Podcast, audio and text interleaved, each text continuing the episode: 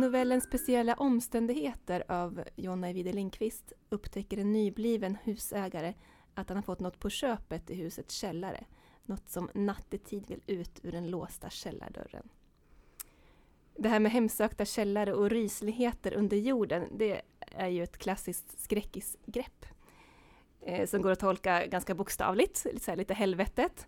Eller som en någon slags freudiansk metafor för vårt undermedvetna medvetna eller undertryckta. Och dagen till ära befinner vi oss i bibliotekets underjordiska undermedvetna, eller om man så vill i magasinet. Vad säger du Ann-Sofie, vad är det här för rum? Ja, det här är ju bibliotekets, eh, nere i bibliotekets källare där vi ställer undan eh, böcker som vi inte tycker ska finnas på hyllorna i det vanliga biblioteket längre. Det kan ju vara böcker som eh, är eh, lite trasiga eller att de är så gamla så att eh, vi inte vill ha dem uppe i, i biblioteket längre men de har ett värde så att vi vill spara dem och då hamnar de ner i magasinet. Och hit springer vi med jämna mellanrum och hämtar saker ja. som med olika, en del är väldigt rädda för att gå ner här för att de tycker att det är lite läskigt här nere under jorden och det är ganska tunga dörrar som slår igen bakom en när man går ner här. Och det är lite som att vara i en bunker va? Precis. Väldigt sådär cement, tjocka väggar, ja. eh, lågt i tak. Mm. Och det har hänt att några, någon av oss har blivit eh, instängd här ja. nere faktiskt. Ja, det stämmer ju. ja. Jag blev alldeles livrädd när jag hörde det. Ja. Jag tänker mig att man kan gå ett, ett förskräckligt öde till mötes där Absolut. mellan de här kompaktoshyllorna. Ja, ja, ja, ja, visst. det är inte här du vill nej, vara nej. när zombieapokalypsen kommer. Icke. Uh, ja, vad härligt, vilken skön stämning det blev. Uh, det är ju allhelgona nu, eller halloween som de flesta kanske uh, pratar om. Mm. Eh, och det är skräcksäsong galor. Vad gör dig rädd? Allt höll jag på att säga. Nej. jag är nog lite skrajsen av mig. Ja. Eh, jag är ju sån så att jag undviker ju helst helt att titta på eller att läsa något skräckligt. Eh, jag är inte så förtjust i det. Jag tycker liksom inte om att utsätta mig för otäcka saker. Ja, men jag tänker liksom eh, om du skulle göra det, är det samma saker som gör dig rädd i verkliga livet eller är det andra saker som triggar igång eh, rädsla? Ja, för jag, alltså jag tänker så här att, att, att, eh, som förälder så är man ju liksom naturligtvis livrädd att det ska hända ens barn någonting. Det är så en klassisk rädsla. Men det är ju inte det jag, jag liksom skräms upp av i litteratur eller film riktigt. Det finns på något vis en, eh, en vardagsrädsla och en eh, skräckfilmsrädsla. Jo, det stämmer ju. Ja. Jo, det stämmer. Alltså till, i, I vardagen är man väl mer, eh, alltså som människa är man, man väl kanske mer rädd för det här klassiska att, eh, att bli ensam, att människor omkring en ska försvinna, sådana man älskar. Mm. Det är sådana klassiska grejer naturligtvis som man, som man eh, är kanske mest rädd som, för som, som människa. Men, men i, i litteratur och i film så kanske det handlar mer om, för min del i alla fall, om det eh, onaturliga, underliga, något som kryper i väggarna som man inte vet eh, vad det handlar om och så vidare. Och det kanske jag inte går omkring och är eh, så väldigt rädd för i vardagen. Jag tänker på clowner. Det känns så att man ja. måste prata om clowner. Ja, precis. Ja. ja. Jag är inte särskilt rädd för clowner, men, men eh, alltså rent allmänt. Men Nej. det är klart att nu idag när man, när man ser alla de här clownerna som då tydligen springer omkring. Jag har ju tack och lov inte träffat någon. men eh, ja, ja, det är läskigt. Jag, jag, jag funderar på varför det är läskigt med clowner. Men, mm. men det måste ju vara någonting med att, att, det, att det är någonting som ska vara roligt och trevligt och lattjo och sen så eh, så mm. är det väldigt, eh, liksom på något vis byter ansikte och blir väldigt skrämmande och, och, mm. och, och dödar små barn. Oh! man vet inte var man har dem liksom. Nej. Eh, det är ju också en mask ja. på något sätt. Att de, att de eh, gömmer sig bakom den här masken på något sätt. Mm. Och, och, vem är de egentligen? Är de goda eller onda? Och vad, vad är det som finns där bakom? Ja, just det.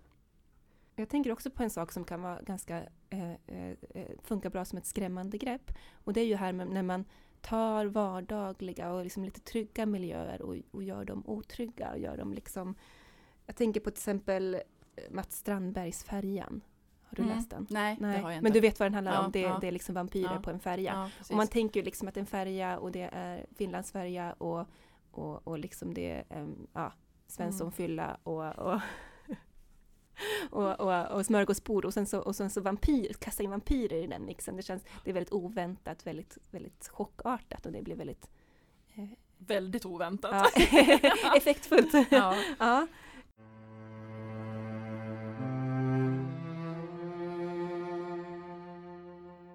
Men du gillar inte skräck, anser vi? Nej, jag gör ju inte det. Jag, jag blir ju som sagt eh, alldeles för rädd. Så att jag undviker ju det helt faktiskt. Jag, jag vill liksom inte utsätta mig för det. Jag, jag, jag mår inte bra av det och jag vill inte gå omkring och må dåligt så därför undviker jag det. Jag var ju väldigt mörkrädd när jag var liten och, och jag hade ju då, och jag har nu också, väldigt livlig fantasi och jag tar liksom in rädslan i hela min kropp på något sätt. Så jag har överhuvudtaget har jag väldigt lätt för att leva mig in i saker och i andra situation. Och jag kan också ha svårt då för att lämna känslor som liksom etsar sig fast i mig på något sätt. Ehm, så det stannar liksom inte vid att vara bara en text eller en film utan det berör mig på djupet och hamnar på något sätt i min kropp. Och där vill jag inte ha det. Så jag har faktiskt sett en enda skräckfilm i hela mitt liv. Eh, och det var för 20 år sedan. Och varför jag gjorde det, det kan jag faktiskt inte förstå. För precis som jag förstod så eh, innan så mådde jag väldigt dåligt av den. Och jag mådde dåligt långt, långt efteråt. Jag vet inte exakt hur länge, men länge efteråt. Så att jag, alltså jag är inte fortfarande rädd för den här filmen, men jag kan ändå plocka fram scener fortfarande och, och känslor som de skapade då. Eh, och filmen som jag såg, det var The Shining. Och den kommer vi att prata lite mer om om en stund. Och så har jag faktiskt också läst bara en enda riktigt läskig bok och det var en bok som jag blev tvingad att läsa som student på Högskolan i Dalarna när jag pluggade litteraturvetenskap där. Och den boken heter Nattens amnesti och är skriven av Karina Rydberg. Och som flitig student då så läste jag hela boken trots att jag under tiden mådde dåligt faktiskt både psykiskt och fysiskt. Det kändes som om jag ville ha en hink bredvid mig som jag kunde kräkas i. Eh, Ja, det låter otäckt Och men vilken, så var vilken, det. vilken, vilken häftig, alltså vilken reaktion. Ja, ja verkligen. Jag, må, jag mådde verkligen fysiskt illa. Ja. På riktigt alltså illa. Eh, för jag äcklades och jag förfärades och jag undrade hela tiden hur en författare kan få ur sig sådana otäckheter. Och jag satt liksom hela tiden och funderade hur mår man egentligen om man kan fantasera ihop någonting så här fasansfullt? Ja. Alltså hur mår hon då? Ja. Eh, och så här skriver Mats Myrstene som är bibliotekarie och kulturskribent om den här boken. Det ska sägas med en gång. Karina Rydbergs Nattens amnesti är nog den läskigaste och på många sätt vidrigaste roman jag har läst. Det hela är utstuderat djävulskt upplagt. Rydbergs prosa är i hög form där den kryper och klibbar in på bara kroppen överglänser sig själv i vidrigheter, i intimiteter, i verbala utbrott av skräck och äckel. Ja, i det som flera recensenter kallat just skräckel. Alltså det är ju inte bara jag som har blivit rädd för den här Nej, boken och kan han man ju säga. skräder ju liksom inte på orden. Jag är nästan Nej. lite nyfiken på att läsa den Ja, här nu, bara ja, för att han är jo. så... Ja. Ja, det, vill man bli äcklad så, Ja. ja. Men är inte det lite grejen med skräck att det framkallar eh, kan framkalla just det här fysiska reaktioner? Jag tänker, Mm. på äckel, alltså just det här pirr i magen, eh, kalla kårar. Alltså det är någonting som är väldigt emotionellt eh, med, med skräck. Att, den, att det äggar fram sådana känslor hos läsaren. Absolut, ja det händer ju verkligen någonting med en. Och, och som sagt när man, när man både eh, alltså fy- fysiskt mår dåligt för att man tycker att det, att det är jobbigt men, men när, när man också som sagt mm, liksom känner sig fysiskt illamående då, Mm. då är det verkligen så att man att, eh, men, men, men det är ju också någonting fascinerande för då har ju Alltså då har ju i det här fallet då Carina Rydberg verkligen lyckats med sin text kan man säga. Eh, Även om jag nu inte tyckte om den så, så är det ju ändå så att eh, hon på något sätt eh, är en fantastisk författare då ju som, som lyckas liksom skapa de här grejerna hos mig. Så är det ju. Och jag kan tänka mig också att, att boken, det är ju ganska ett bra format att utforska de här rädslorna eller filmen för den delen, eh, på ett tryggt sätt. Alltså, Ja. menar, det är ju liksom, eh, man kan utforska rädslor och trauman inom ramarna för en bok, någonting fiktivt. Mm. Jo, det är sant. Ja. Mm. Men, men eftersom jag har så svårt då ofta att lämna det som skrämmer mig, eftersom det fortsätter att skrämma mig under så lång tid efteråt, så, så kan ju jag ändå inte då riktigt förstå den här tjusningen ju som ju så uppenbart många upplever då av att se och läsa skräck. För jag kan ju inte förstå då hur man vill utsätta sig för sånt, men jag antar ju då att det måste vara så att vi alla får olika typer av upplevelser av skräcken då ju. Och, och alla känner ju inte på samma sätt som jag, för då, då, då skulle ju den här genren inte vara så populär. Så, så därför är det intressant för mig att höra hur du upplever det då, Gabriella, för du gillar ju skräck. Ja, jag, jag gillar skräck. Jag blir också rädd av skräck. Och ibland Ja. kan jag känna, nej, varför läste jag det här? Eller varför såg jag det här? Men, men på något vis så, så har det en stor dragning på mig.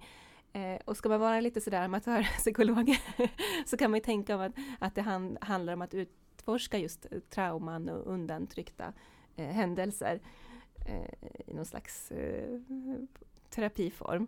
Eh, jag tänker också på skräck som är väldigt eh, gränsöverskridande. Alltså att man, man, man kan eh, kritisera samhällsnormer och, och, i och med skräck. Men man kan bre på så hemskt. Man kan verkligen liksom eh, överskrida det här.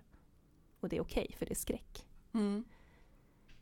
Men, men jag, jag är inte heller sådär mycket för skräckel eller äckelskräck. Jag har också lite svårt för det. Jag eh, tycker nog allra bäst om den, eh, ja, den, den psykologiska skräcken. Och eh, i princip så gillar jag det här liksom show don't tell, eller snarare så, visa inte, visa inte monstret. Eh, för att inget kan vara lika läskigt att få, få beskrivet eh, för sig som att det som jag kokar ihop i min fantasi. Mm. Och, och det, på något vis, det tycker jag är det mest läskiga och mest nervkittlande greppet på skräck. Och jag tycker nog att bra skräck försätter läsaren i en sån här skön känsla av ovisshet och krypande obehag. Det är de här kalla kårarna, inte äcklet, men kanske kalla kårarna som, jag, som jag själv är ute efter. Eh, men just det här att allt behöver inte skildras, det kan vara nog så skrämmande ändå. Jag tänker på den klassiska duschscenen i Psycho. Nu har du inte sett Psycho, men du vet säkert vad det Jag har handlar om. sett och känner.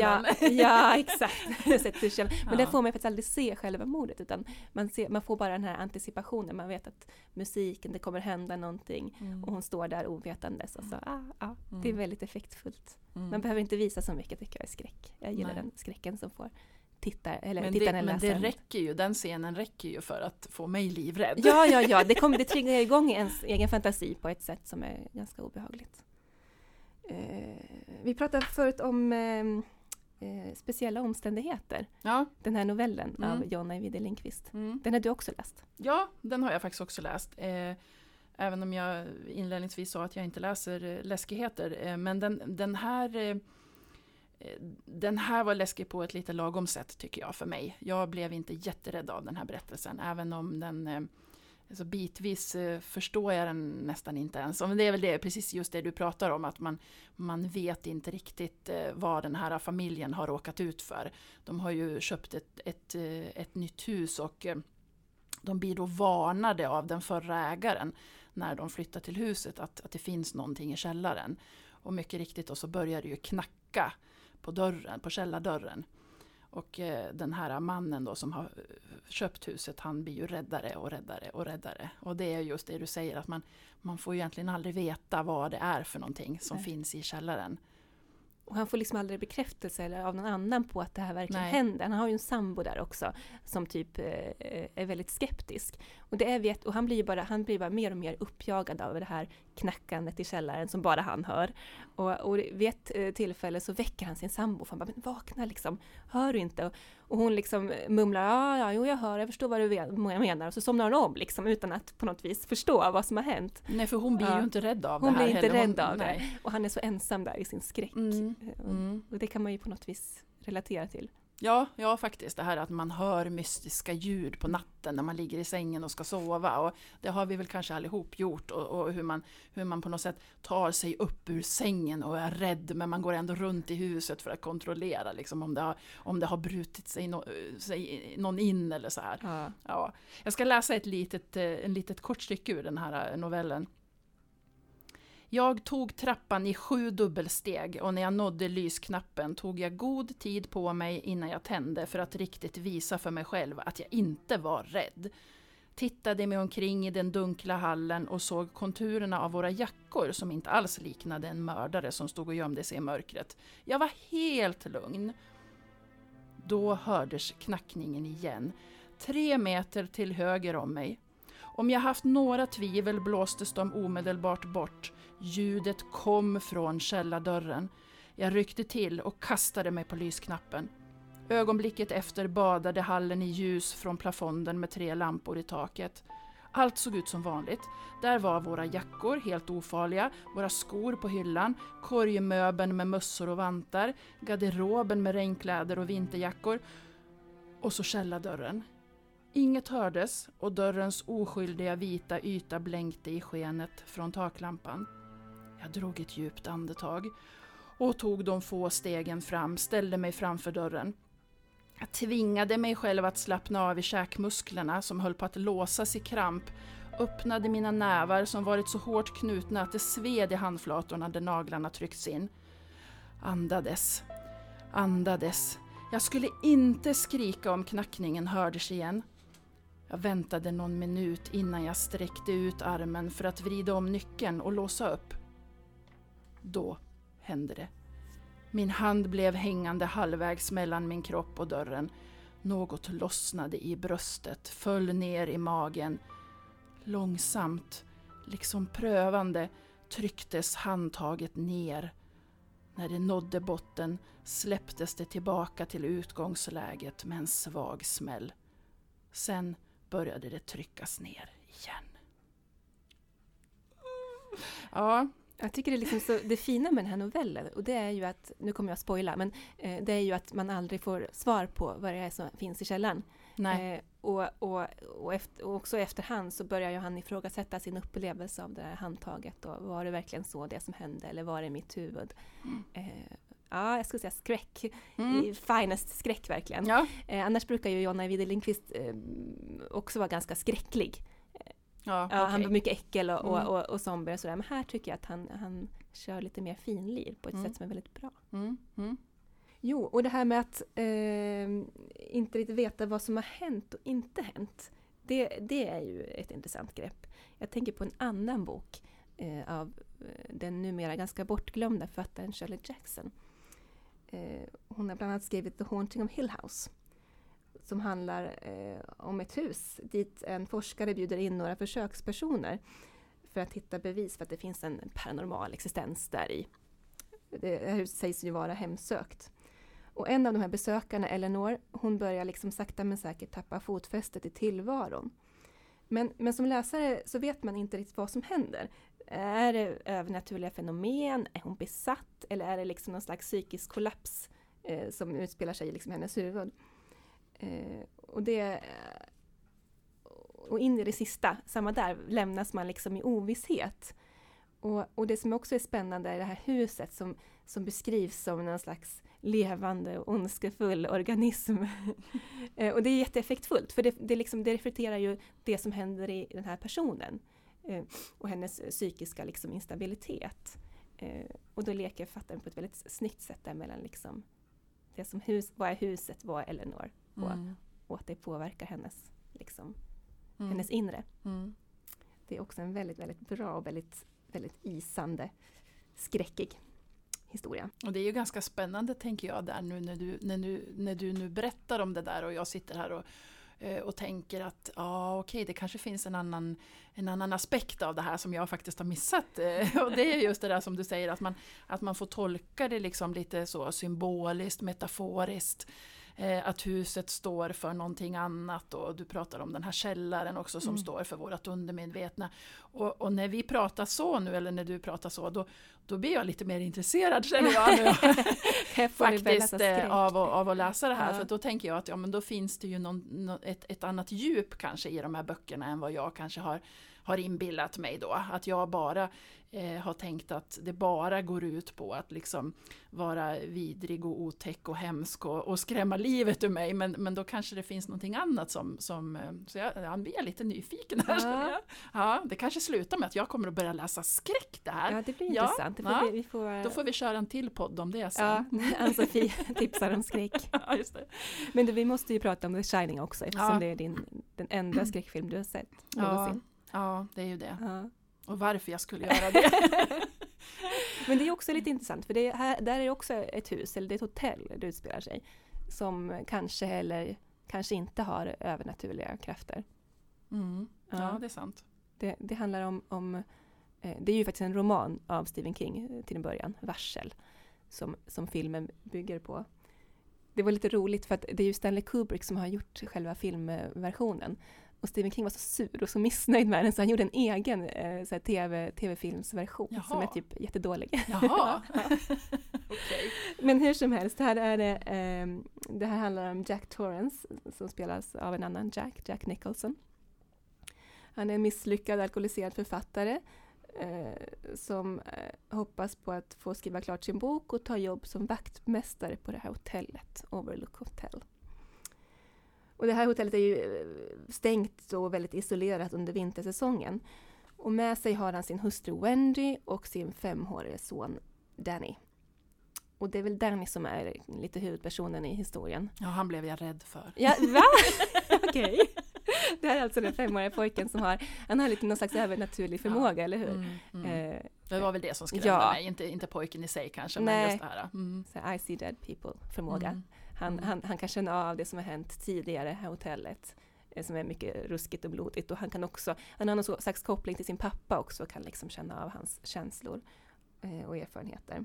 Ja, sen börjar han väl bli, han blir väl knäppare och knäppare pappan här, ju Ja. längre han eh, vistas i, på det här, i det här hotellet. Och, Ehm, nu, nu har ju jag försökt träng, förtränga den här handlingen så att jag är väl inte den rätta att berätta om filmen så. Men, men det är ju just det där att han att ju, ju, ju längre tid det går desto, desto mer eh, man ska säga, psykiskt dåligt mår ju han och, och desto, desto värre blir han på något sätt. Så det, det är väl det att han springer omkring där med vad är det, köttyxa och, och jagar sin familj. Eller? Ja men precis, han börjar ju bete sig mer och mer sådär eh, eh, ologiskt och irrationellt. Eh, och, och, och det är ju intressant det här för, att då, för då kan man ju tänka att det är huset som han blir besatt av det här hotellet som är någon slags ons, det finns någon inneboende ondska. Eller så är det ju någon, en psykisk sjukdom som utvecklar sig. Mm. Eh, Men just det där att det också då ha- ska ha hänt någonting Mm. tidigare med en annan familj som Ja. bodde där ju. Det är ju också då det som i så fall tyder på att det Ja. skulle vara något med huset. Liksom. ja, som triggar igång hans Ja. beteende. ja. Och sen så skildras väl allting via den här Danny. Och det är ju också en femårings på något vis perspektiv på vad som händer. Mm. Där, där han kanske, där, där hans pappa framstår som ett monster. När han, ja. Mm. Ja, jag har ju något minne av någon scen där som är väl också är en sån där ganska känd scen där den här pojken befinner sig i någon korridor. Eh, och jag har förträngt vad det är som händer. Men, jag, men, men, men det, det- var väldigt, väldigt otäckt vet jag när han är i den här korridoren. Och, och det, Är inte den här klassiska bilden, den här, det är liksom en slags psykedeliskt mönster på den här mattan. Så Ja. han, åker, han, åker, han åker trampbil där Han åker trampbil ja, där, här ja. korridoren. mm, Och liksom är väldigt liten och utsatt i det här otroligt hemska huset. mm, Ja, mm. Och man vet inte liksom vad som väntar och vad som Nej. händer. Och det är en massa stängda dörrar. Eller hur? Är det så att det kom, han, han öppnar någon dörr också? Är det ja så? han öppnar en, en dörr och, och, och upptäcker eh, hemskheter. Ja, usch. Ja. Om, som, som hänt i det förflutna. Ja, jag den tror jag börjar minnas lite Ja. här. Ja. Det är väldigt bra, jag tycker det är en bra film. Den är otroligt eh, effektfull. Och, och jag tycker också att det, just att det finns utrymme för så många tolkningar på hur man kan se på historien gör att det blir väldigt intressant. Eh, Jag kan tänka mig att det var därför jag valde att se den också. Jag har, Ja. jag har faktiskt glömt bort lite grann, eh, eftersom det är så länge sedan, så glöm, har jag, eftersom det inte är min grej att ti- titta på skräckfilm så, så måste jag ändå ha haft en, en ganska stark eh, jag måste, jag måste ju ha menat någonting med att se just den och jag kan tänka mig att det handlade lite grann om det här att, att jag hade hört mycket om den och att det liksom finns någon, någon viss kvalitets, eh, som du säger, att det är någonting med den där filmen ändå. Och så gav jag väl den en chans och sen ångrade jag mig i och för sig. Men, men det handlar ju inte om, det handlar ju inte om att, att, att filmen var, var dålig på något sätt, eh, utan det handlar ju om, om, om mig och, och, och att, att jag blir så, så rädd. Liksom. så att jag kan verkligen förstå att den filmen har... Eh, jag vet inte hur gammal, hur, hur gammal är den filmen? Den, ja. den, måste ju ha x antal år på nacken i alla den fall. måste ha kommit någon gång på 80-talet ja, eller? och den ja. är ju fortfarande liksom uh, pratas ju om den fortfarande. Vi sitter ju och pratar ja. om den här nu. Det är liksom en referens. Ja, ja absolut. Eh. Så ska man ha sett någon så ska man väl ha sett den. Det var väl lite grann så jag tänkte kanske. Men det fick du ångra bittert. Ja. ja jag vet inte, det känns som att jag kanske inte riktigt har övertygat dig om att, eh, om att bli, äh, uh, ta steget in i skräckgenren än, men jag tror jag ska jobba på det här. Ja, ja. ja. ja nej, filmer tror jag inte att jag, men kanske någon av de där böckerna då. Mm. Eh, om vi ska göra en liten sammanfattning av de böcker som vi har pratat om eh, så är det novellen Speciella omständigheter i novellsamlingen Våran hud, vårat blod, våra ben av John Ajvide Lindqvist. Eh, vi har pratat om Färjan av Mats Strandberg. Vi har pratat om Nattens amnesti av Karina Rydberg. Vi har pratat av, om The Haunting of Hill House av Shirley Jackson. Och vi har pratat om The Shining, eh, bok av Stephen King och film av Stanley Kubrick. Det var allt från oss va? Ja. ja. Det här är en podd från Sandvikens folkbibliotek. Jag heter Gabriella. Och jag heter Ann-Sofie. Hej då! Hej hej!